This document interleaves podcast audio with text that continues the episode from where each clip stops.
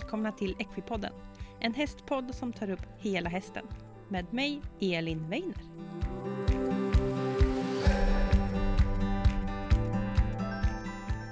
Då var det onsdag igen och eh, välkomna tillbaka till ett nytt avsnitt av Equipodden. Eh, det här avsnittet är sponsrat av Johanna Åkerberg och Johanna hon arbetar som ekvipat. och eh, i slutet av det här avsnittet så kommer hon berätta om lite tankar när det kommer till hästträning och ryttarträning och saker som kan vara bra att tänka på när man faktiskt tränar sina hästar. Så stanna kvar i slutet av avsnittet för att höra Johannas tankar om det här. Men först ska vi få lyssna på veckans gäst och det är ingen mindre än Anna Fele. Och Anna hon är fälttävlansryttare, sjukt, sjukt duktig. Hon är också B-tränare i fälttävlan och vi ska prata fälttävlan. Anna börjar med att berätta lite om sig själv. Hon berättar lite om vad fälttävlan är, hur man startar och de här klasserna som man delar in sig i så vi får full koll på liksom vad fälttävlan är. Sen pratar vi lite om hur en trängträning går till. Vi pratar lite om några saker som kan vara svårt. Vi får lite tips. Eh, vi pratar också om hur man jobbar upp sitt samarbete mellan häst och ryttare. Hur lyckas man bygga upp så att man faktiskt kan hoppa ner i vatten och allt annat. Och vi pratar om vad man behöver backa av, bocka av för att starta. Eh, som vanligt, era lyssnarfrågor inbakade i avsnittet och eh, det här blev så bra. Det här blev så, så bra. Så uh, jag tycker att vi kör igång veckans avsnitt med Anna Fele, B-tränare i fälttävlan.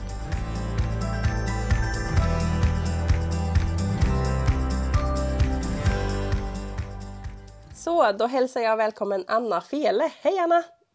Hej! Tack för att jag får vara med. Så roligt att ha med dig för det här, det här har jag längtat efter. För eh, du är ju B-tränare i fälttävlan, eller hur Anna? Ja, det stämmer bra det. Det stämmer.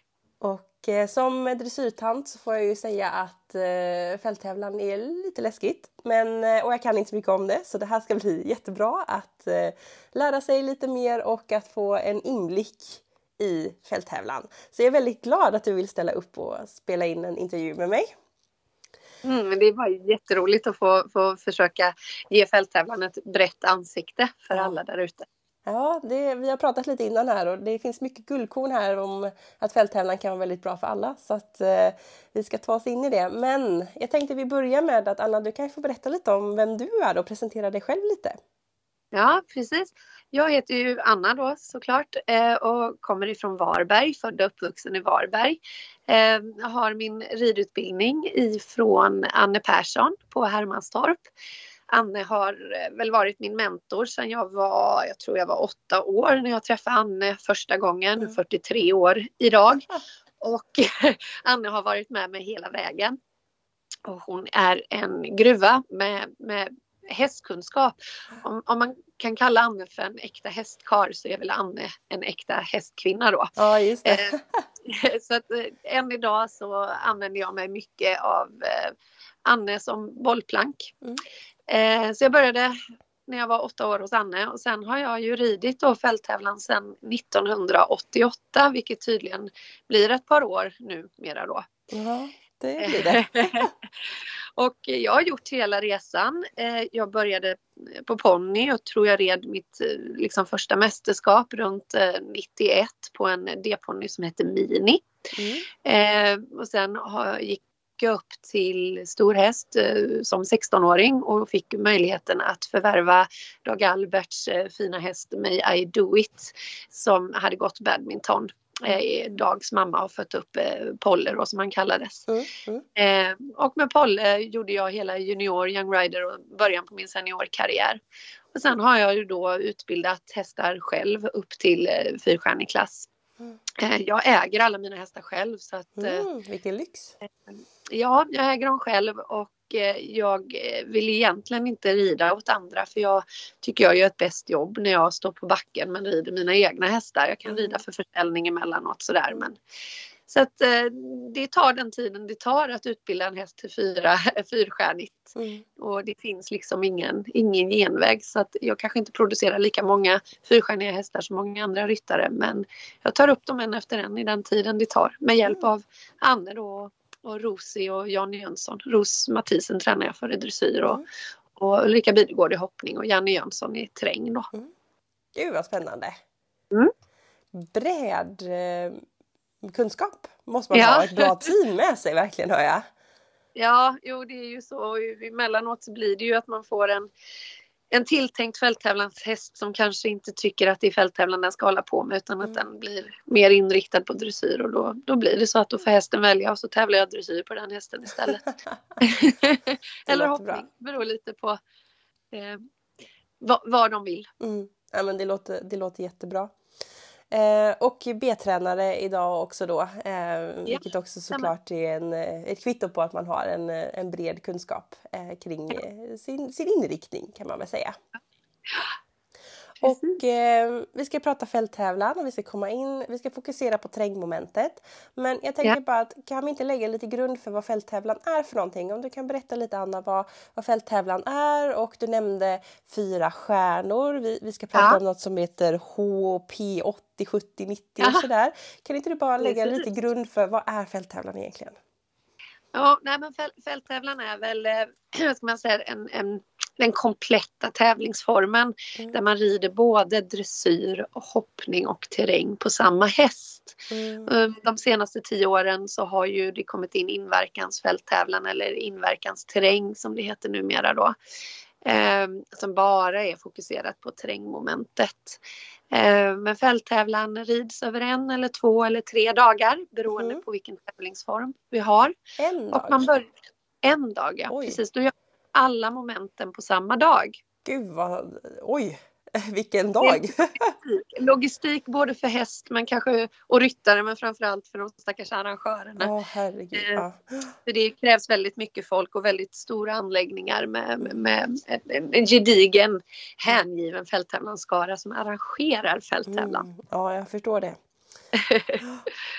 Så man rider över en eller två eller tre dagar i fälttävlan och mästerskap går ju då såklart över tre dagar så det vi ser på tv är oftast tre dagar. Mm. Mm. Eh, kan man då dela upp det på två dagar och det i Sverige har väl det oftast att göra med att arrangören kanske behöver en viss yta för att anlägga dressyrbanorna första dagen. Mm. Eh, och att man då faktiskt tar bort dressyrstaket och sånt där för att sen lägga upp terräng, terrängbanan då. Så det är Mm. lite, man kan göra som man vill. Eller att man har dressyr och hoppning på en anläggning som ligger på ett geografiskt, en geografisk plats och eh, terrängen kanske man måste traila hästarna då till Just en annan geografisk plats. Så det är så. Men den mest vanliga formen och den formen som de allra flesta kommer i kontakt med första gången är ju eh, endagars fälttävlan då. Mm. Just det. Och man rider alltid dressyren först och sen hoppar man och så rider man terrängen sist i endagars terräng. Mm. Endagars fälttävlan, förlåt. Mm. Och eh, när det är över flera dagar är det hoppningen sist, eller? Eh, ja, tre dagars då har man eh, hoppningen sist eh, och det kan man ha två dagars också men mest vanligt är ju att tre dagars kommer hoppningen sist. Dressyren rids alltid först. Mm. Mm. Och alla de här disciplinerna har ju en form av, alltså det finns ju ett syfte med, med eh, de här delarna och i Mm. dressyrprogrammet så vill man vill, vill man liksom visa att ryttaren kan eh, visa en lösgjord, lydig, lugn och positiv och uppmärksam häst som är i, i god harmoni med sin ryttare. Mm. Och i, i eh, hoppprovet så ska den lite, alltså hoppprovet ska ju vara en liten form av vägvisare. Mm. Eh, om man är lämplig att gå ut i, i terrängen då. Alltså om det Mm. finns eh, Det kan ju vara så att om man om man river fem hinder inne på banan eller man har tre, tre stopp på, på lösa hinder inne på en hoppbana så är frågan om man egentligen är riktigt förberedd för att gå ut och rida Mm. fasta hinder ute i naturen då. Så att den, den ska också visa som en, en, eh, en vägvisare då för terrängen. Mm. Och själva terrängmomentet är ju det mest spännande och utmanande provet som inkluderas i fälttävlan och det, det ska ju visa en, en, vad ska man säga, en mångsidighet hos både ryttare och häst där horsemanship hela tiden är grundledstjärnan i fälttävlan Mm. och terrängmomentet. Eh, där man har eh, också kan uppvisa att hästen är korrekt tränad för eh, uthålligheten, Mm. att den är modig, att den är djärv, att den kan anpassa sig utan, alltså utför eh, varierande väderförhållanden, terränger, eh, hinder, underlag och så, och så vidare. Då. Mm. Och den ska också visa att den har en god hoppförmåga och att den är i harmonin och att det finns ett ömsesidigt förtroende. Mm. Mm. Och att den kan lösa sina uppgifter som den ställs inför tillsammans med sin ryttare. Mm. Ja, det, det är mycket stora krav. Ja, Mycket att ja jobba men med. det, det lite större krav att starta sin första fälttävlan jämfört med att kanske komma ut på sin första barnhoppning eller dressyrtävling. Nej, just det. Mm. Men å andra sidan så är väl kanske inte risknivån fullt så hög eh, att starta sin första Let's See It. Nej, ehm, precis. som det är att hoppa ute i terrängen då. Så att det, det har ju att göra någonting som vi inom fälttävlan alltid arbetar med så är det ju en form av riskanalys och, och eh, säkerhetsfaktorn är ju extremt hög i, eh, i fälttävlan där vi hela tiden måste ställa oss frågan om vi är redo för den uppgift vi står inför. Mm. Mm. Ja, precis. Ja, men det, det låter ju klokt. Och eh, de här klasserna sen då, ehm, H80, H90 och P och sen som Ja. du nämnde fyrstjärning. Kan du berätta lite om liksom det här systemet när det kommer till tävling? Ja, eh, vi är ju mästare då på att eh, krångla till det Ja. för eh, nya utövare. Eh, och det kan ju vara bra då att man kanske eh, om, om man ska ha som avsikt att börja rida fälttävlan så, så bör man kontakta en, en auktoriserad och licensierad fälttävlanstränare. Någon som av förbundet är auktoriserad att göra detta. Mm. Eh, därför att eh, dels måste man ju då ha ett grönt kort för att starta den första insteget av eh, fälttävlan som är H90 för häst och H står för häst och 90 står för hinderhöjden Mm. och P som står för ponny och P70 då som är Mm. liksom P för ponny och 70, 70 centimeter för ponny insteget. Men eh, Det är där man fråga, börjar. eh, för man har ju, tar ju ett vanligt grönt kort när man ska tävla oavsett disciplin, men det är ytterligare ett kort för att få tävla fälttävlan, eller? Ja, det är, det har, kärt barn har många namn men jag tror vi har enats med att det heter ryttarmärke för fälttävlan nu. Mm. Eh, det står lite olika när man söker på nätet och, och, och i reglement och sådär. Men och, och vi tränare är sl- slarviga. Jag säger till exempel grön kort eh, för fälttävlan men det har jag ja, det är lite olika ord för det men, men ja, man behöver skriva ut något som heter en ryttarbok Mm. som finns på Ridsportförbundets hemsida under fliken fälttävlan. Och under, under ryttarboken så, så det är ett helt vanligt pappersark som man skriver ut eh, och så ska man kontakta då en auktoriserad tränare, fälttävlanstränare. Mm. Och så finns det rekommendationer hur man gör det här provet och det är dels en, det uppmanas till att man ska ha en, en, en eh, avsutten träff där man går igenom re- reglementet Mm. eh, och eh, att man då får göra ett par terrängträningar där man får hoppa de olika typhindren som grav, bank, vatten. Mm. Ehm, ja, trake, eller vad säger jag, inte trakener kanske kommer inte i början där men, eh, ja, men rätt uppstående och lite breda lådor och sådär. Mm. Och för att varje hindertyp har en specifik typ av ridning då som vi tränare lär ut. Mm. Eh, sen vet jag att det ser olika ut runt om i Sverige. Eh, en del tränare har inte den avsuttna träffen. Jag, jag är skitjobbig så jag, jag gör både av den avsuttna suttna träffen och sen har jag som krav att man ska göra tre, fyra terrängträningar för mig och jag, jag skriver faktiskt inte på det där kortet innan jag känner att det känns bra i magen, att det känns som att ryttaren har koll på läget och Mm. kan rida an ett hinder på ett säkert sätt. För det, jag skulle aldrig förlåta mig själv om, om någonting hände en elev som har tagit ett kort som jag har skrivit på då. Mm. Eh, om det händer om någonting. Eh, sen vet jag att andra tränare gör olika och det får ju stå för dem då. Men ska man göra ett kort hos mig så, så får man då, då är det de delarna som gäller. Och de allra flesta som sitter med på den här genomgången av reglementet är ju otroligt tacksamma över att de har gjort det. Dels för att det är lite snårigt i, eh, Mm. i hur en fälttävlan går till. Mm. Eh, och jag försöker varva med ja, historier om, från verkligheten och eh, videofilmer och eh, man kan använda Youtube mycket så att, så att man får en, en förståelse för vad det är man går in i. Mm. Vilket gör att ryttaren är oftast bättre förberedd. Mm.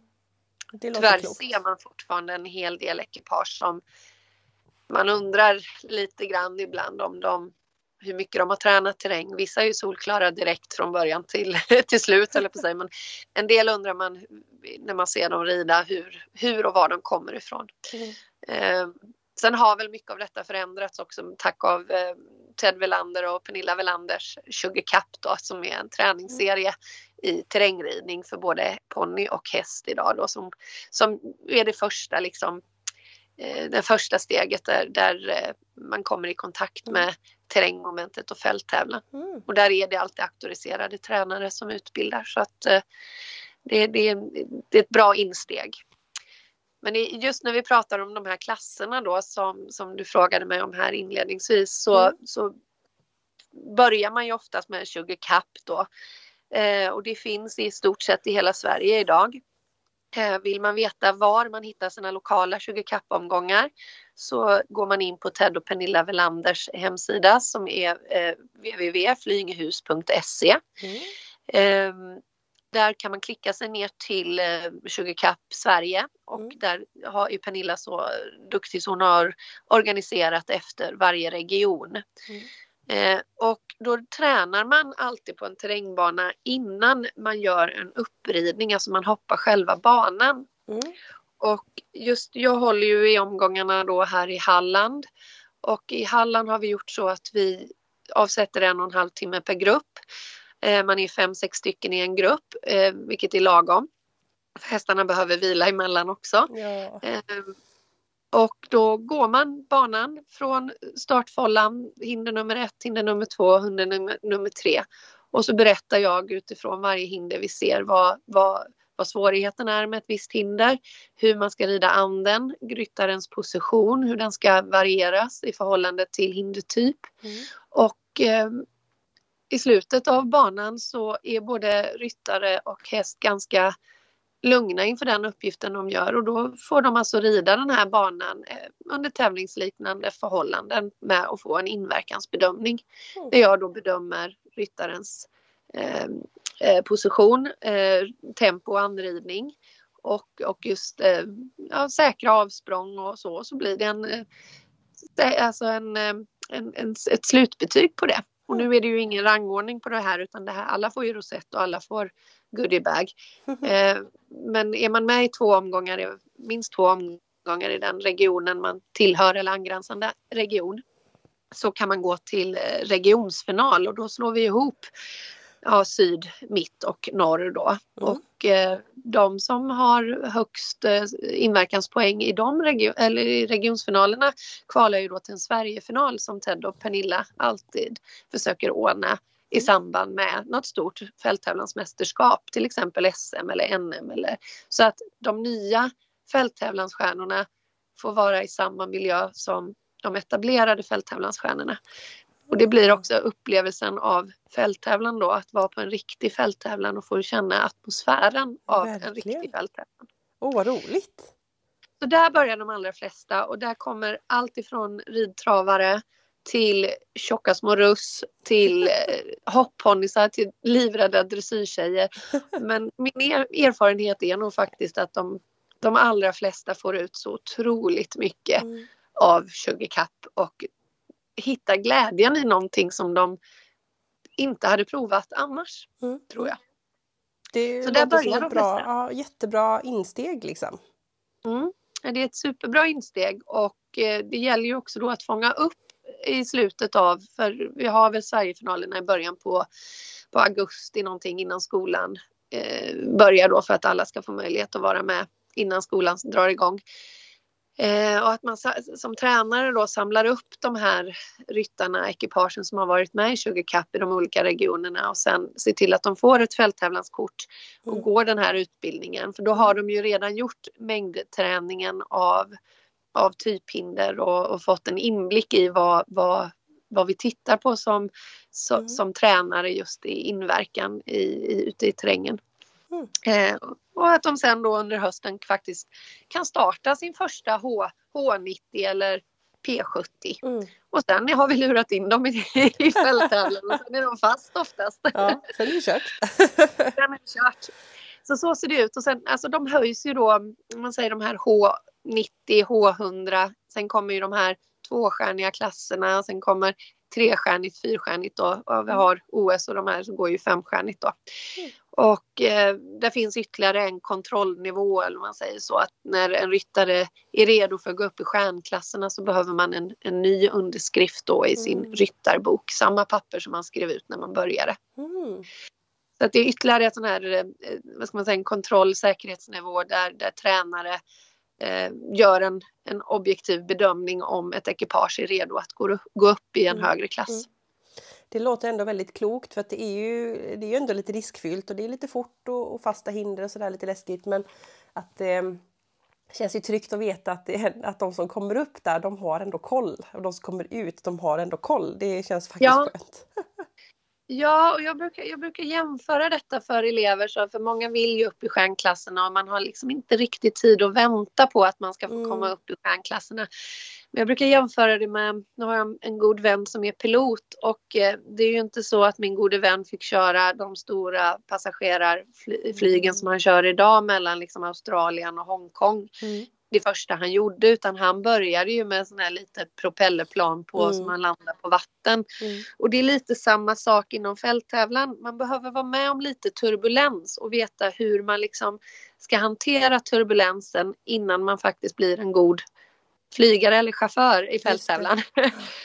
Det. man, eh, det, det finns så otroligt många scenarion som kan hända Mm. Och ju längre man är med så tänker man att jag har nog sett det mesta nu men då händer det något nytt. Mm. Så att eh, det, det, det handlar om flygtimmar, timmar i sadeln. Mm. Eh, att, att grunderna sitter som berg innan man kan gå upp. Att man har en, en mental förståelse och för vilken risk man utsätter sig för och andra och sin häst för.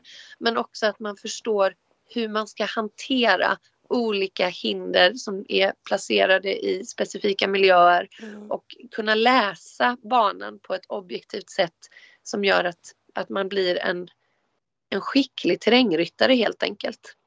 Mm. Ja visst, jätteviktigt eh, att ta sig tiden eh, som vi sa här. Ja. Eh, en gedigen eh, genomgång här, det känns eh, bra. Nu har vi koll på hur vi tar oss in i fälttävlan. Och då tycker man ju att det här vill jag göra för att det verkar ju häftigt med att springa ut i, i terrängen och köra järnet och då kanske man börjar med att ta de här terrängträningarna.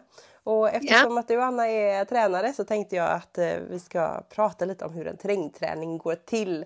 Mm. Eh, för jag då som aldrig har varit på någon tänker ju att eh, när man tittar på TV då springer de ju rätt långa sträckor de här hästarna. Så tänker man stackars tränare som får hänga efter. Men eh, om man bara liksom tänker så här en vanlig träning en onsdag eftermiddag. Hur, hur ser det ut och vad gör man då? Det är helt beroende på ekipagets utgångspunkt såklart men om vi, om vi tar en, jag kan göra en jämförelse mellan en nybörjare och en trestjärnig ryttare, mm. två trestjärniga ryttare. Så har jag en nybörjargrupp så är man också fem, sex stycken och det, det allra största svåraste att komma på sin första terrängträning det är ju hur broddar jag? Det har jag ja, förstått är en väldigt, väldigt, väldigt svår fråga för många. Eh, oftast första gången om man rider ponny eller en hyfsat, hyfsad styrbar häst så ja, är den svår att brodda, skit i broddarna. Bromsa på raka spår istället. Mm. Eh, terrängträning ser väl ut sådär att eh, man kommer till träningen, man tar på sig alla grejer. Eh, mm. Det är ju en hel del extra utrustning inom när vi skapar terräng, lite större benskydd och lite säkerhetsvästar och sånt där som ska på, hjälmar och, mm. och sånt. Vi börjar precis som vi gör i banhoppning. Vi hoppar fram på kanske bara en liten stock som ligger på, mm. på marken. Oftast gör jag så, det här gör jag med även rutinerade ekipage. Man tar en stock som är i lämplig nivå, en mm. helt naturlig stock och sen hoppar man den i en åtta. Mm. Eh, där jag då vill se att ryttaren klarar av att i de lite mindre erfarna grupperna styra sin häst.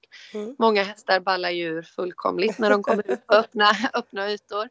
Ryttare blir rädda, börjar hålla i sina hästar. Hästarna blir som dynamit. Mm. Istället för att bara försöka jobba galoppen då på en stor volt och liksom rida sig igenom galoppen mm. och få hästen att slappna av och bli i harmoni med att börja lyssna på sin ryttare. Mm. Ibland lättare sagt än gjort men Jaha man hoppar i en åtta och jag vill se att, eh, att, att ryttaren kanske kan, kan landa i de olika galopperna, att ryttaren kan växla mellan två och tre punktsits, att ryttaren har en någorlunda kommunikation, att eh, de förhållande och framåtdrivande hjälperna finns där. Mm. Um, ju, vi går ju aldrig ut och hoppar i tävlingstempo det första vi gör för man vill ju gärna veta att det finns en broms även på de erfarna ryttarna. Mm, mm. Eh, och om man då tar en, en mer erfaren ryttare så börjar jag på samma sätt. Eh, men det kanske går fortare från steget att jag ser att rytm och balans och position funkar. Kommunikationen finns där till att jag börjar hoppa kanske två hinder i följd. Mm. Eh, är man oerfaren så, så är det ju oftast att jag börjar med en stock. Sen kanske jag hoppar en, en liten rishäck av något slag. Mm. Kanske vi vänder oss till en liten låda till att sen hoppa, klättra upp för en bank och då gör vi det i skritt. Mm. Och för varje, varje hinder vi då eh, introduceras för så eh, berättar jag som tränare, det är ju min uppgift att berätta för dig eh, som ryttare hur du ska göra för att möta det här hindret. Mm. Eh, och många, många gånger så gör vi det i trav. Eh, att vi rider i, i, i lättridning fram mot ett hinder och när hästen förstår uppgiften och, och själv suger tag i hindret så låter vi den suga tag i hindret och följer med den. Mm. Det vi absolut vill komma bort ifrån är eh, så kallad handridning. Eh, att, att ryttaren sitter då med för mycket hand och bromsar in i hindret vilket också då gör att, att eh, hästen går för nära ett hinder och riskerar att rotera helt enkelt. Mm. Så att vi pratar om de här säkra avstånden då till, eller av, av, av stampen för mm. häst och ryttare. Mm. Och sen hoppar vi runt på de olika typhindren som bank och, och grav och sen går vi ner i vatten och ofta ser jag till att jag, om jag har en ren nybörjargrupp så ser jag till att det finns en häst som jag som jag känner på något sätt eller vet lite grann om som jag vet kan leda gruppen ner i vatten. Mm. Och det är väldigt, väldigt sällan jag har problem med att gå ner i vatten för hästar är nyfikna. Vatten är mm. naturligt för dem. Mm. Sen kan de tycka att det är mer eller mindre kul att blöta ner sig. Men där, där ser man nog snarare att ryttare då blir lite ivriga och så börjar man slå banka på hästen mm. och hästen går då i försvar och låser sig. Mm. Det allra bästa är att faktiskt bara sitta på långa tyglar och låta hästen själv ta tag i vattnet och få följa efter någon, något ankare ner i, i vattnet, någon, en, en, en häst vi vet går ner. Så sätter man dem på ridskoleled och så skrittar de ner och så får de leka sig igenom vattnet. Det är mm. väldigt sällan några problem om man låter hästen lukta och undersöka vatten och och, och titta på vattnet, att man ger hästen en lång tygel och att den får stå där i en helt o, o, ostressad miljö och, och fundera en stund. Oftast går de ner. Mm. Någon gång har vi väl fått putta ner någon sådär men det händer väldigt sällan faktiskt. Mm. Det är nog fler hästar som går ner i vatten än hästar som inte vill gå ner i vatten. Mm, intressant. Jag tänker mig ändå att eh, det borde vara tvärtom. ja, nej det är det faktiskt inte. Jag, jag ser nog det hindret som kanske ställer till med mest problem. Det är ju de breda lådorna mm. eh, för ryttare och det är ofta att ryttaren då tycker att oj det här var stort och imponerande och det ska man väl kanske ha med sig då just i, i terräng eh, om man tänker terränghinder att en 60 centimeters låda mm. är lite mer eh, stöddig än en liten 60 centimeters oxer. Ja, så att ryttarna blir ju lite försiktigare och det är ofta att man rider med handbromsen i då och mm, eh, mm. vilket gör att hästar kanske stannar för att ryttaren ber dem om att stanna och sen så tappar man självförtroendet och sådär. Mm. Och om man då tittar på den, den lite mer erfarna gruppen, om vi tänker att vi har en grupp som kanske har ridit och gjort några tävlingar då gör vi precis som i barnhoppning. Vi har ju hinder som står i olika former av linjer. Mm. Eh, ofta bygger jag upp med lösa hinder men jag bygger, bygger linjerna eh, så som de skulle se ut i terräng fast de är lite mer förlåtande eftersom mm. jag har ett A-hinder då, en, en stor låda och sen lägger jag på 14 meter böjd linje så gör jag ett lite smalare hinder med hjälp av bommar och vanliga hinderstöd. Mm. Och låter hästen och ryttaren möta det här hindret som ett, ett första steg in då för att kanske introducera en triple brush eller den typen av hinder. Mm. Eh, vilket gör att det blir förlåtande, ryttarna är tryggare, man vågar rida i det tempot man ska möta den typen av, av linje och fråga då som vi säger. I fälttävlan mm. kallar vi linjer ofta för frågor. vi ställer en fråga, fråga till häst och ryttare. Där, det, där, där ekipaget någonstans skall vara så väl förberett att man kanske förstår först då A-hindret som kan vara en stor låda. Hur rider jag an en stor låda? Hur rider jag 14 meter på en öppen yta till ett smalt hinder? Hur hoppar jag ett smalt hinder och hur kopplar jag ihop dem? Mm. Det blir en form av fråga till ekipaget. Ja, och då tränar vi det så. Ja, intressant. Så det finns terrängbanor som är utvecklade för tävling. Det finns hinder som inte är lämpliga att hoppa på träning för att man ska möta dem i tävlingstempo. För att de hoppas bättre i tävlingstempo. Mm. Um, och man, det finns hinder, typer och hinder, alltså linjer av hinder som faktiskt enbart är till för att trä, träna på. Mm. Intressant. Och sen använder vi oss mycket vinterhalvåret då av eh, inomhusterräng har ju blivit eh, väldigt eh, populärt sen mm. Friends eh, och Stockholm International Horse Show mm. eh, startade med detta. Eh, jag är själv lite rädd för att ta in fasta hinder i mindre ridhus för att eh, ryttare rider som att de är på de stora fälten och man kan aldrig riktigt få upp den tempot och den kraften som man behöver för att hoppa stora hinder. Så att jag tycker det duger alltså, gott och väl med naturfärgade bommar och lite halm och lite gran och mm. lite mossa och mm. naturdekoration. Mm. Eh, men man bygger upp typen av linjer som vi har i terrängen inomhus mm. och tränar på istället för eh, fasta hinder. Mm. Det känns bättre för mig. Det, det, det, tyvärr har det varit lite för mycket olyckor även på mina träningar tyvärr. Eh, och det, jag, jag, tar inte den risken. Det, vi har alldeles för värdefulla ryttare och hästar mm. för att slösa dem på en sån aktivitet. Mm. Det låter klokt faktiskt. Ja, så där, där, kan man ju också träna eh, den typen av hinder och det, det, det, är ju där tränarens bild kommer in eh, i att man har kunskap och erfarenhet av vilken typ av frågor möter du i vilken klass. Mm. I, I de första klasserna så, så är det ju hinder och sen så är det en 50 meter och så kommer det ett nytt hinder och så kommer det 50 meter och så ett nytt hinder medan mm. man ju högre upp i klasserna man kommer ju tidigare in på banan börjar vi ställa frågor mm. till ryttare och häst då. Mm. Så att man kanske bara har ett två, ja, två, tre språng på en trestjärnig klass där du, där du får hästen och ryttaren att komma komma igång mm. och redan vid hinder nummer fyra så ställs den första frågan mm. och sen så kommer det några återhämtningshinder och sen kommer det en ny fråga mm. och graden av frågor stegras ju för att ja, på något sätt förbereda hästen inför den riktigt stora frågan som barnbyggaren då har. Mm.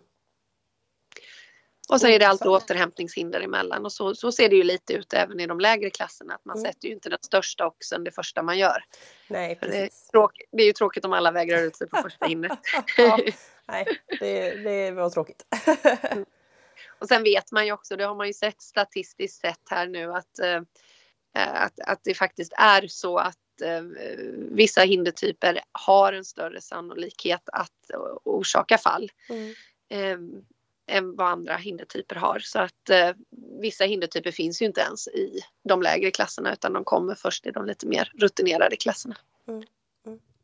Ja, jätteintressant. Eh, vi pratade lite om det här att eh, få kontroll på öppna ytor, alltså att eh, det är många som är ovana att komma ut, att det gäller att försöka inte hålla för mycket utan att slappna av och rida igenom eh, en galopp. Ehm, Ehm, vi pratade lite snabbt om eh, vatten och att om man bara slappnar av och ger lite långa tyglar så eh, kommer det gå bra för de allra ja. flesta att ta sig igenom. Eh, ja. Och att man tränar på linjer och sådär. Eh, jag tänkte att jag skulle fråga för att ehm, jag tänker ehm, ehm, att det är ju ganska svåra saker som vi ändå ställs inför och, och tittar man återigen om vi kopplar till de högre klasserna, när man tittar på TV så hoppar man kanske ner i vatten och att få hästen att liksom våga. Eh, vi pratar om att vi behöver ha en järv och modig häst. Eh, det bygger på att ryttaren på något sätt förmedlar det till hästen och att man har det samspelet. Vad har du för tips och tankar för att bygga upp ett ekipage som liksom är starkt och modigt tillsammans och det här samspelet som behövs för att klara av de här ganska svåra uppgifterna. Mm. Ändå. Ja men alltså fälttävlan är ju den yttersta, det yttersta beviset på teamwork, mm. häst och ryttare emellan. Mm. Och det är, ju, det är ju precis som i vilken relation vi än har, den, med en människa eller ett, ett, ett djur, så det är ju inget som finns där från början utan det är ju något som stegvis byggs upp via att varje trappsteg får ta den tid det behövs. Mm. Så att man kanske får rida 20 kapp två år på rad för mm. att känna sig trygg med detta.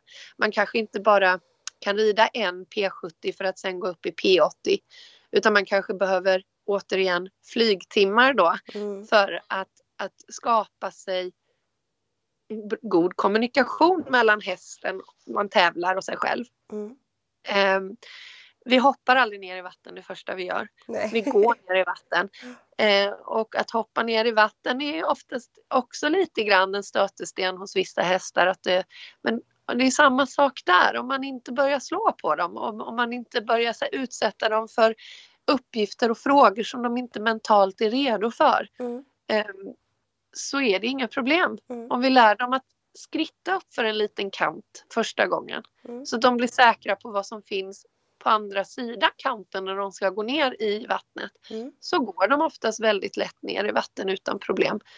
Um, sen är det ju vissa som eh, jag har till exempel en häst som har fallit. Han föll som femåring på ett mm. nerhopp över stock i vatten. Mm. Och han har ju återkommande problem när han inte har tävlat mycket terräng mm. på länge. Att han mm. när vi kommer till ett vattenhinder att han blir försiktig och vill se sig om och att man då, jag som ryttare måste ge han den tiden att även om han backar av och läser av hindret så betyder kanske inte det att han ska stanna utan han vill bara försäkra sig om att det är att han vågar hoppa ner. Mm. Och någonstans så är det väl om hästen stannar och inte hoppar och inte vill, är mm. den redo att hoppa ner i vatten då? Då kanske vi måste lägga mer tid i att bygga förtroendet i själva vattnet. Mm. Mm.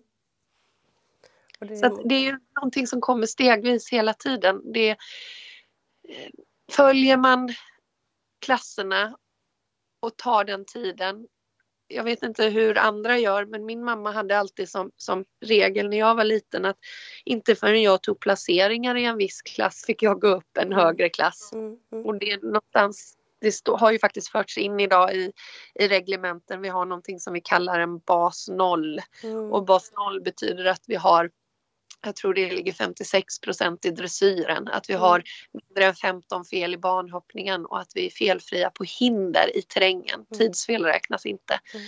Då, då, om vi har gjort x antal bas noll-resultat i en viss klass så ska vi gå upp. Mm. Därmed inte sagt att vi mentalt är redo för en högre klass. Utan återigen, det har att göra med flygtimmar. Vi måste vara utsatta för lite turbulens. Mm. Vi måste få ett stopp.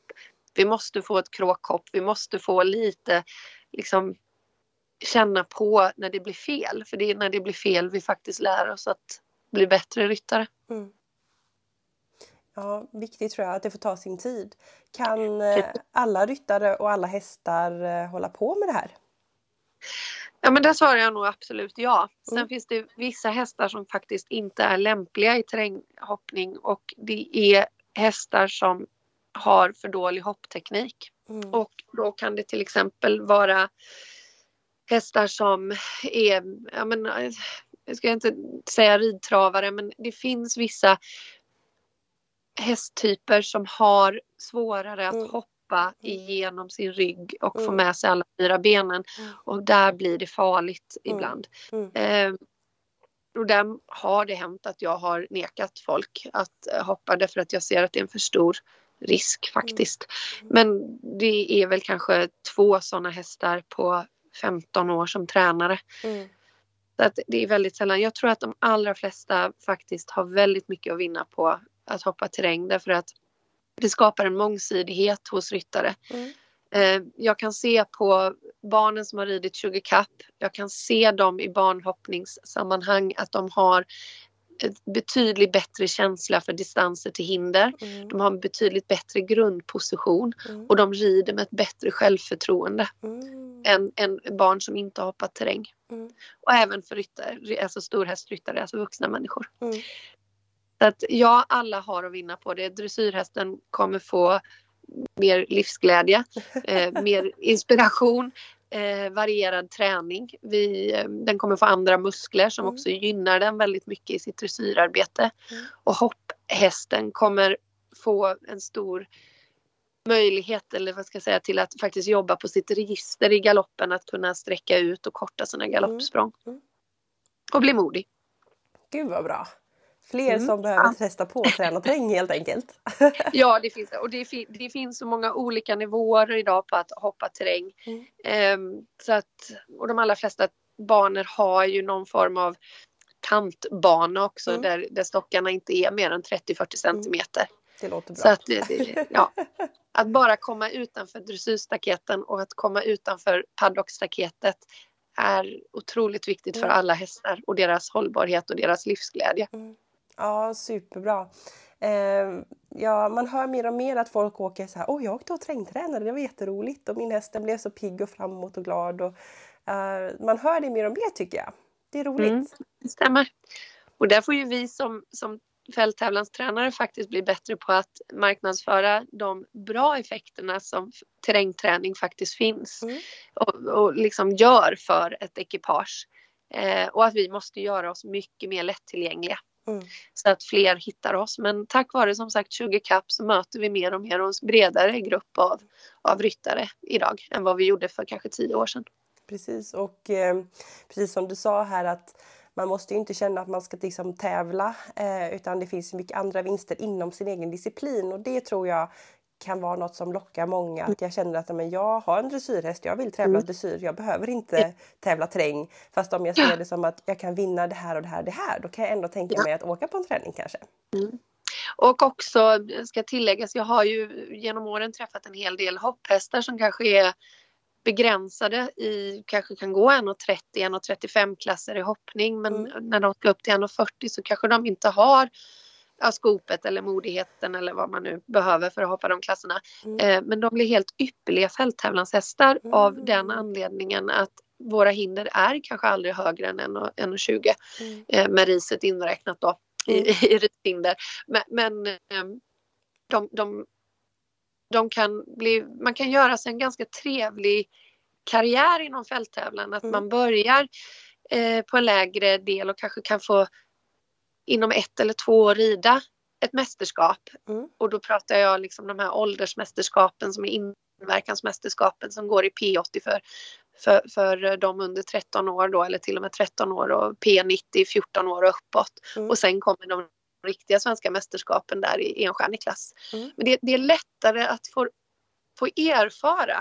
Mm. Lättare och lättare är väl en eh, sanning med modifikation men jag tror att det, det är för många hästar är en enklare uppgift än att gå ett SM i hoppning eller dressyr mm. om de är begränsade i hoppförmåga eller gångarter då. Mm. Eh, men de kan bli väldigt käcka fälttävlanshästar och ryttarna kan få en väldigt kul livserfarenhet att ta mm. med sig. Och, och, med det sagt så har jag väl också då hoppryttare som har otroligt bra ridskicklighet. Mm. Som provar på att rida, rida terräng. Um, och som sedan faktiskt blir inbitna fälttävlansryttare. Mm. Det låter ju eh, jätte, jättebra. Eh, vi får väl se om någon lyssnare har testat på får man väl dela med sig av sina erfarenheter så ja. eh, får vi bygga upp en bank här om vad det finns för vinster. Um, jag har skrivit upp en fråga här som jag tänkte att jag skulle ha tagit kanske innan vi gick in på det här. Men eh, ja. vi pratade liksom hur en träning ser ut och uh, att man tränar olika linjer eller frågor och att liksom sådär. Och då tänker jag då som dressyrryttare så tränar jag dressyr för min tränare. Då jag, får jag lite läxor däremellan att jag ska jobba mm. med eller träna på någonting. Um, men i och med att trängen då är liksom ett så speciellt moment och att det ändå är kanske inte, alla har väl inte en trängbana i, bakom stallet. Eh, tränar man trängmoment även mellan träningarna eller lägger man mer annan typ av träning som kondition och hållbarhet, eh, dressyren, hoppningen eller hur ser liksom eh, vardagsträningen ut om du förstår hur jag menar? Ja, eh, väldigt bra fråga och det är faktiskt en fråga som min tränarkollega Hanna Berg undersökte i sin B-tränaruppsats. Mm. Hon undersökte hur vi tränar terräng. Mm. Och det visar sig att vi tränar alldeles för lite terräng. Mm. Och eh, nu kommer jag inte exakt ihåg Hannas resultat här men jag har för mig att det var någonting i linje med att anledningen till att man inte tränade terräng var att det var lite jobbigt att få till träningar för en auktoriserad tränare. Mm. De flesta banor tillåter ju inte träning på egen hand. Nej, eh, och, och de som gör det kräver att man ska ha någon med sig. Mm. Det var ett stort gäng har jag för mig i Hannas undersökning som faktiskt eh, tränade terräng på egen hand. Eh, det skulle jag nog säga att det är nog inte att rekommendera i de första faserna av sin fälttävlanskarriär men att man, heter, man, heter man Hanna Berg eller Kristoffer Forsberg eller ja, Frida Andersén så, så kan man nog träna terräng själv om man har någon på backen om något händer. Men, men man ska nog försöka få till det med tränare. Eh, så att man får helt enkelt eh, träna med lösa hinder. Och, mm. alltså mycket kommer ju från dressyrridningen. Lydigheten kommer ju från att man har en fungerande kommunikation. Mm. Att de framåtdrivande och förhållande och vändande hjälperna funkar även i dressyrarbetet. Mm. Kan du inte göra en 10 meters volt i galopp i arbetsgalopp så har du ju ganska svårt att vända upp på en 10 meters vändning på ett smalt hinder i ett betydligt högre tempo. Ja, verkligen. Mm. Så att man skulle ju kunna träna eh, sockerbitshinder med bommar, att man lägger dem på en S-båge, att man varierar galoppsprången. Mm. Det räcker att bara lägga ut tre plankor på en långsida i ett ridhus, att man har en, ett, en plank och sen har man 14 meter och så ett plank och så 14 meter och så ska man variera på att rida på tre galoppsprång mellan varje plank eller att man ska rida på fyra mm. galoppsprång eller sex galoppsprång eller att man ska rida på tre galoppsprång på de första planken och att man sen går ner och rider på eh, på kanske tre, eh, förlåt, sex galoppsprång ut då, att man rider fram och tar tillbaka. Mm. Att de förhållande och framåtdrivande hjälperna funkar. Mm. Så det finns många sätt att träna på men ska man, ska man tävla fälttävlan och vill man upp i klasserna så måste man träna terräng regelbundet för en auktoriserad tränare mm. och gärna samma tränare så att mm. man kan bilda sig en form av strategi. Just det, och en utveckling liksom. Ja. Mm. mm. För tränaren är otroligt viktig i, i utbildningen här att även när jag själv åker och tränar för Janne så vet ju Janne, Janne har tränat mig sedan jag var 14 år gammal. Mm. Han vet hur hopplös jag var som 14-åring och han vet fortfarande vad min, min hopplöshet kan vara som ryttare. och då, han, han kan ju på ett fint säga att jag ska sänka min hand och, och, och jobba med, med min inverkan utan att bromsa med handen. Mm. Eh, och, och han, han, vet också vad vi gjorde förra veckan jag tränade och vad mitt mål är för året och mm. vad, vad jag kan och vad jag inte kan. Mm. mm, mm. Och det, det, tyvärr är det ofta så att man får elever som kanske har en, en annan tränare för att man bor på en annan geografisk plats än vad jag mm. är. Men man ska tävla på en terrängbana som ligger i mitt område och så kommer man till mig och så ska man träna för mig då. Mm. Det är jättesvårt som mm. tränare. Jag, tycker, jag själv tycker jag att det är lite jobbigt faktiskt när man ska man ta hand om en elev som ska rida kanske en trestjärnig klass på Hermanstorp som är min eh, närmaste terrängbana. Mm. Eh, och man har ingen aning om vad de kan eller inte kan. Man har sett dem, deras namn i resultatlistan, man kanske har sett dem hoppa någon gång på tävling men mm. man vet inte så mycket. Mm. Och då brukar jag faktiskt prata med den personen och fråga vem den tränar för i vanliga fall och sen tar jag en diskussion med ordinarie tränare. Mm. Och man, jag har ju ett samarbete med, med Janne Jönsson och jag har ett samarbete med Ted Villander och jag har samma, jättestort samarbete med Hanna Berg. Mm. Så att jag och Hanna kan ju prata sinsemellan och säga att ja men nu mm. skickar jag ner ett gäng ungar här till dig och då, den ungen behöver träna på det och den här mm. behöver träna på det och så. så. Mm. Då blir det mer, då blir det en bra träning också. Just det. Men det där känns ju väldigt bra att ni engagerar er så mycket. För jag tänker just att precis som du berättade om den här hästen som hade eh, trillat ner i ett vatten och att den liksom blir lite försiktig. Att man, att just, alltså när man kommer på en dressyrträning är det nästan bra att man kanske inte har för mycket bakgrund. Nej. Mer än vilken nivå man är på, vad man önskar och sådär. Men ja. när det kommer till sådana här saker som ändå är så viktiga så är det, ja. så är det avgörande om man vet bakgrunden eller inte känns det som. Så det är jättebra att ni verkligen har det här tänket att, att kommer det en ny så gäller det att lite, lite background story liksom. ja precis. Och det, det har hänt tyvärr att man jag vet, särskilt kanske när jag var lite yngre och lite nyare i tränarrollen och, och, man blev lite tagen av att det kom en elev som ville hoppa lite större hinder. Mm. Och så kanske man ställde säkerhetsfrågor för att försäkra sig om att det var någon som hade tränat lite grann i alla mm. fall. Och så tänkte man så här, ja, ja men den tränar för den tränaren och då har de säkert bra koll. Och så mm. upptäcker man någonstans när man höjer nivån från stock till lite större hinder att den här personen kan inte rida i rätt grundtempo mm. för hindret de ska rida an.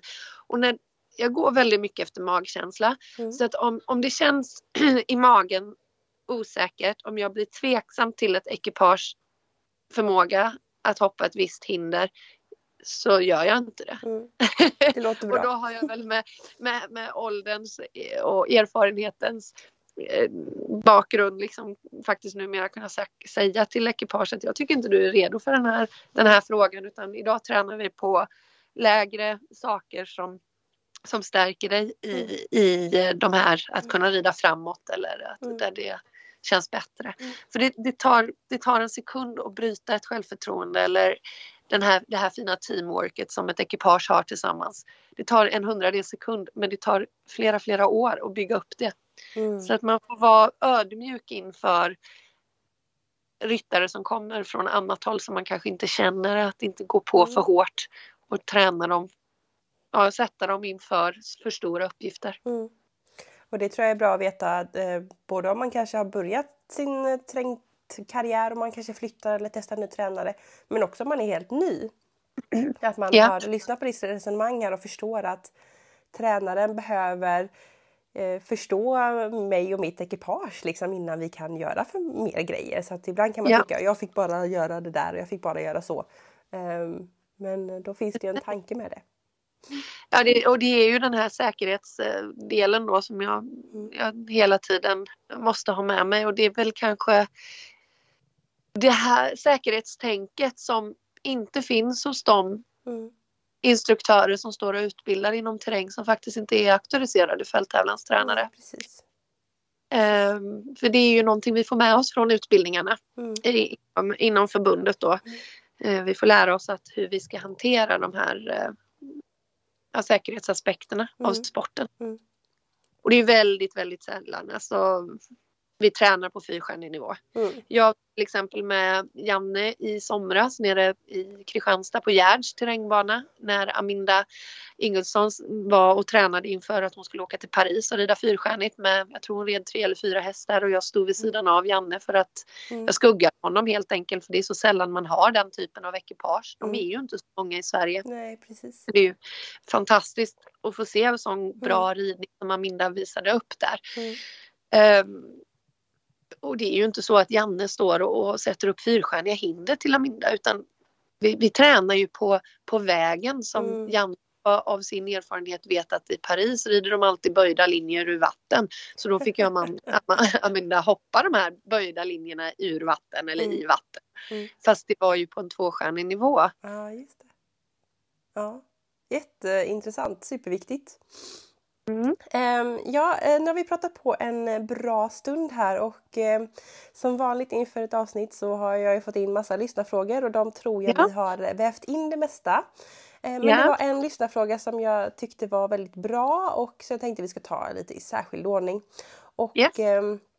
då är frågan, vad behöver man bocka av för att starta och här har vi då skrivit H80, eh, H90 eller vad som helst. Jag tänker, vad behöver man bocka av för att liksom starta fälttävlan? Jag har nämnt Sugar Cup, men vad behöver man? Och då har den här personen delat upp lite. Vad behöver man i hoppningen, dressyren, i terrängen? Vad behöver det för fysik hos ryttaren, hos hästen och mentalt? Liksom, om jag ska tänka att jag ska starta, vad behöver jag se hos mig själv och hos hästen för att kunna känna att jag kan göra ett, ändå ett bra resultat på en liksom, tävling och starta upp? Vad säger du där, ja. Anna? Eh, om vi då tittar på de här H80 och, och P60 mm. som inte kräver fälttävlanskort så ska man väl ha gjort några träningar i alla fall mm. för auktoriserad tränare på fasta hinder. Mm. Det kan väl vara käckt. Eh, man ska kunna hoppa 80 centimeter, gärna 85 centimeter för eh, naturen är ju aldrig 100% rak. Så att det är ett terränghinder där har vi plus minus 5 centimeter mm. i höjd. Mm. Eh, det ska man klara av, eller 60 centimeter då om vi pratar ponny. Mm. Eh, detsamma gäller ju för hoppningen. Alltså om, om, man tittar på H90 då till exempel och P70 så H90 i dressyr och hoppning det är ju som en lätt C. Mm. Så du ska kunna rida en lätt C1 eh, i dressyren mm. eh, och ha en 65% tycker jag är en bra riktlinje. Sen eh, mm. kanske verkligheten inte ser ut så för många ponnyryttare framförallt. Men, men eh, men ändå som en grund att man ska kunna göra en godkänd runda liksom. Sen är ja, det alltid precis. annat när man är på tävling och så. Men, ja. Mm. ja, så är det. Eh, hoppningen är detsamma. Alltså, man ska vara säker i lätt C hoppning. Mm. Man ska kunna rida en felfri runda med ett pet eller sådär. Det spelar väl kanske inte så stor roll men att man, man, man kan rida en runda på ett säkert sätt i terrängen då så, så, krävs det ju att du har det här fälttävlanskortet om vi går in på insteget där man ska tävla. Du behöver inte ha fälttävlanskort för H80 och, mm. och P60. Mm. Eh, men de, går, de klasserna går ofta som inverkansklasser. Mm. Eh, för det, då är det en domare som kan avbryta tävlingen om det är farligt. Då. Just det. Eh, men fysisk eh, hållbarhet eller vad man ska säga hos häst så är det väl att en H80 och H90 och P60 P70 bana ligger väl runt en kilometer, 1,2 1,3 kilometer ungefär. Mm. Så att du ska ju kunna galoppera den sträckan och utan att häst och ryttare inte kan andas. Mm. Så då är det ju att man har tränat, eh, alltså 1,5 kilometer i, i galopp under mm. en period så att det inte är första gången man styr ut och hoppar en bana på den, den distansen. Mm. Eh, för då kommer både häst och ryttare vara väldigt trötta. Och man kan ju testa sig själv där genom att kanske bara om man har ett större, större fält eller om man har ett större ridhus, paddock, att man kortar sina läder väldigt, väldigt kort så att man nästan är uppe på jockeyläder. Mm. Och så står man, travar man, säg att man kan få ihop 900 meter. Mm. Trava, trava 900 meter i lätt sits utan att sätta dig ner.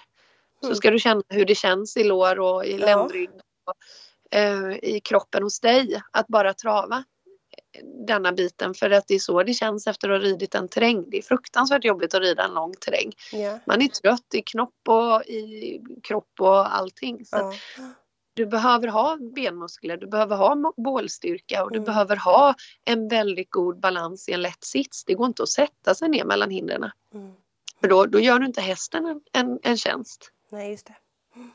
Så att fysiken hos häst och ryttare det är någonting du tränar upp och det kommer ju, det har vi också i samband med terrängträningar att vi kanske värmer upp på det sättet att man mm. får lära sig hur, vilket är rätt tempo för att rida en viss klass. Mm man får gissa helt enkelt. Vi galopperar i lätt sits eh, våra tusen meter och så får du gissa hur snabbt du red. Mm. Och så har jag klockat dig och så har vi en optimaltid precis så som det är på, på fälttävlan. Mm. För att ryttaren då ska få en känsla för vilken hastighet de ska rida emellan hinder. Mm. mm, mm. Ja, superbra. Mm. Och mentalt, det kommer ju med att du ska, du ska känna att du du har hoppat alla typer av hinder som kan förekomma i den mm. klassen mm. du ska rida. Sen kanske man inte har tränat i de högre klasserna på alla, för någon dag måste man ju sluta träna på banan man ska tävla. men att man kanske i början av sin karriär, ja men ska du debutera en fälttävlan i Tågarp, ja men du kanske ska åka ner och träna för Anna Nilsson i Tågarp då. Mm att du är bekväm med, med själva tävlingsplatsen och med hindertyperna mm. och att du vet vad du kan förvänta dig. Men sen mm. kommer det alltid vara något hinder som inte ser ut som det gjorde på träning när du kommer på tävling. Mm. Så är det. Mm. precis. Men ändå att man är förberedd och kan så att man inte blir rädd eller nervös eller adrenalinet drar igång för det. Det påverkar ju hästarna också såklart. Mm, det gör det nog dessvärre tyvärr alltid. Mm, ja, Men då får, man ju, då får man ju jobba lite grann. Alltså det är ju en adrenalinsport, så mm, är det. Om du mm. frågar fälttävlansryttare om varför de utsätter sig för den här faran då tror jag alla säger kicken efter jag har genomfört det. Ja. Det finns ett, ett, en, en sån här sägelse inom, inom fälttävlan som kanske utmärker fälttävlan lite speciellt och det är ju att i banhoppning och dressyr då tävlar man som ryttare emot varandra. Mm. Medan man i fälttävlan då tävlar tillsammans emot banan. Mm. Snyggt! Spännande. Så det, det är väl lite den inställningen att man har en, en trygghet i att man kan mm. hoppa hinder. Mm. Den kommer man alltid vara nervös. Det finns nog ingen värre känsla än att stå i den där start, startfållan. Alltså det är en fruktansvärd känsla samtidigt som det är en väldigt kittlande känsla och det mm. finns ingenting som är så förlösande som att gå i mål. Mm. Mm. Ja, så häftigt. Ja, det är häftigt. Ja men Anna, eh, nu har vi pratat i en timme. Eh, superbra! Vi har verkligen pratat om vad fälttävlan är, vi har pratat om hur träningar går till och vad man ska tänka på i olika situationer. Vi har pratat om att alla har vinst av att eh, tävla fälttävlan, samarbetet och förberedelser och sådär. Eh, så att ett jättebra avsnitt om man, om man är lite nyfiken på fälttävlan. Men ja. om man nu har lyssnat och känner bara wow, det här vill jag göra och man tyckte att du lät väldigt kompetent och kanske bor i Halland eller Göteborg eller sådär. Eh, hur gör man för att komma i kontakt med dig? Man eh, kommer i kontakt med mig via min hemsida som är www.mayidoiteventing.com. Mm. Eh, sen finns jag även via Ridesam och, och andra social media också på mitt namn så det är bara att ta någon väg in där. Men där står mer om vem jag är och jag vill också tipsa runt om i Sverige då. Mm. Um, om man inte bara kan komma till mig såklart. Det finns jättemånga bra fälttävlanstränare runt om i Sverige. Mm. Vi, har en, vi pratar om fälttävlansfamiljen uh, och jag delar med mig av mina elever till andra tränare. Så att, och tvärtom. Uh, sök på Svenska Ridsportförbundet så kan man gå in och söka på, på tränare och så kan man söka tränare och då mm. klickar man bara i för fälttävlan och så alla precis som eh, man gör med en tävling, alltså sök efter tränare på, på förbundets sidor mm. så kommer det upp. Mm. Alla som är auktoriserade och licensierade tränare i ditt distrikt. Mm. Och det är bara att hugga någon av dem. De är inte licensierade och auktoriserade om de inte är godkända och duktiga tränare. Just det. Och eh, alla vill ju välkomna nya så att det är bara att eh, ja. höra av sig. Ja, precis. Ja men eh, toppen Anna, då får jag tacka så jättemycket för att du vill vara med i Equipodden. Ja, tack så jättemycket. Det var bara roligt att få vara med. Ja. Hoppas jag har gjort bra ifrån mig.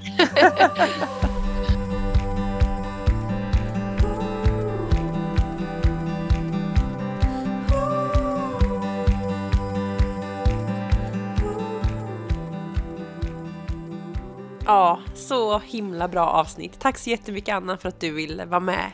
Och um, kolla gärna upp Anna som sagt på sociala medier och hennes hemsida. Gå gärna också in och följ Equipodden på sociala medier, finns på Facebook och på Instagram. Och där är det ju du som är med och bestämmer vilka gäster och vilka frågor jag har med i podden. Och eh, det här är faktiskt näst sista avsnittet för nästa vecka så är det faktiskt sista avsnittet.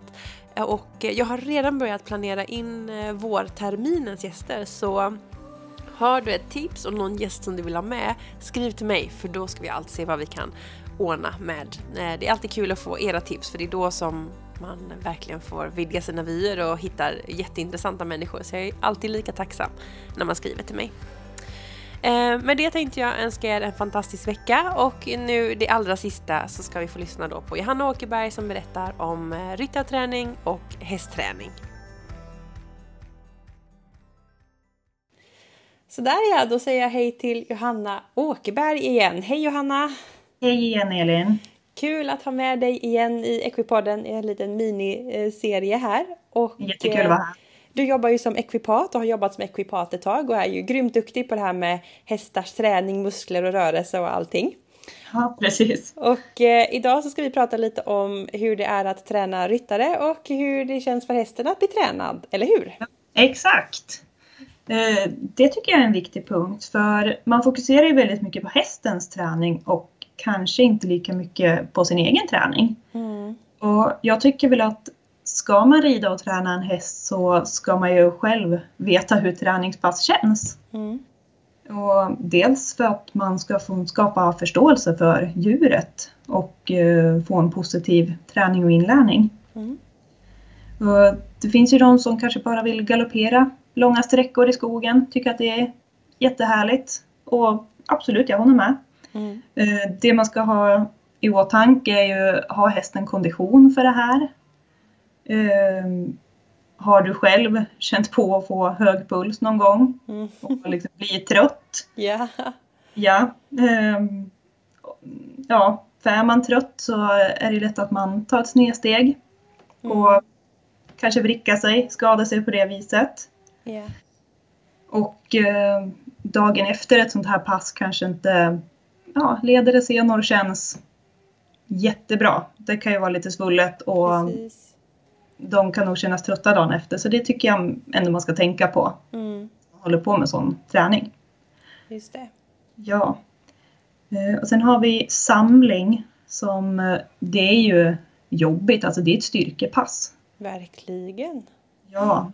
Eh, Tänk dig själv om du skulle göra säger, utfallssteg längs en hel långsida.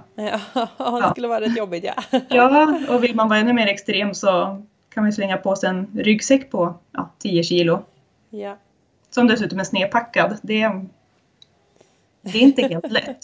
Nej, verkligen inte. Nej, och det tycker jag man ska ha förståelse för så att man inte gör det här i långa sträckor. Mm. Utan när man introducerar samling till en häst, gör det korta sträckor, ta pauser så de fortfarande tycker det är kul. Mm. Mm. Just det. Ja. Eh, sen tycker jag att man som ryttare ska värma upp innan man hoppar upp på hästen så att man själv är smidig. Jätteviktigt. För att ge hästen de bästa förutsättningarna. Mm. För det tycker jag att jag stöter på allt för ofta att man hoppar upp och oj oj oj vad, vad stel jag var idag. Ja, precis. Men gärna, gärna lite kall, man kanske har stått och väntat om man ja, står på ridskola eller någonting och står och väntar på att hästen ska bli klar. Just det. Lite kall och frusen och så det är inte riktigt schysst mot hästen. Mm. Mm. Eh, Sen har vi det här med överviktiga hästar Mm. som eh, är ett ganska stort problem Mm. idag. Eh, tänk på att eh, träna de här hästarna från marken Mm. tills de är i en mer acceptabel form. Mm. Eh, för lider du av fetma då har ju kroppen redan en större belastning än vad den ska ha och det Just sliter ju otroligt mycket Ja. Om man sen börjar liksom styrketräna med ännu mer kilo på kroppen. Mm. Mm. Just det. Ja. Ja, massa viktiga saker att tänka på. Ja men precis, så jag tycker det här är viktigt att tänka på just hur man får en positiv häst. Att när man tränar, men ta pauser så man inte sitter och nöter på den mjölksyran för då får du liksom en negativ häst Mm. och större risk för skador. Just det. Så Och ja. om man tyckte det här var lite intressant, om man skulle vilja ha hjälp med lite tankar kring eh, hästträning och, och hästens muskler och leder och rörelser och om en häst kanske är överviktig, hur ska man göra då? Då kan man ju Mm. kontakta dig för att få lite hjälp, eller hur? ja, ja men det kan man göra. Ja, Ja. och hur gör man då? Eh, antingen går in på min hemsida equipatakeberg.com. Där finns alla mina kontaktuppgifter. Mm. Telefon, mail, Facebook och Instagram. Just det, och sociala Ja. medier är alltid bra också. De är bra att ha. Ja, vad Ja. härligt! Men eh, tack så jättemycket Johanna för att du ville dela med dig av lite intressanta tankar här i Equipodden. Ja men tack själv. Hoppas ni tyckte det var intressant. Ja, tack! Ja, tack tack!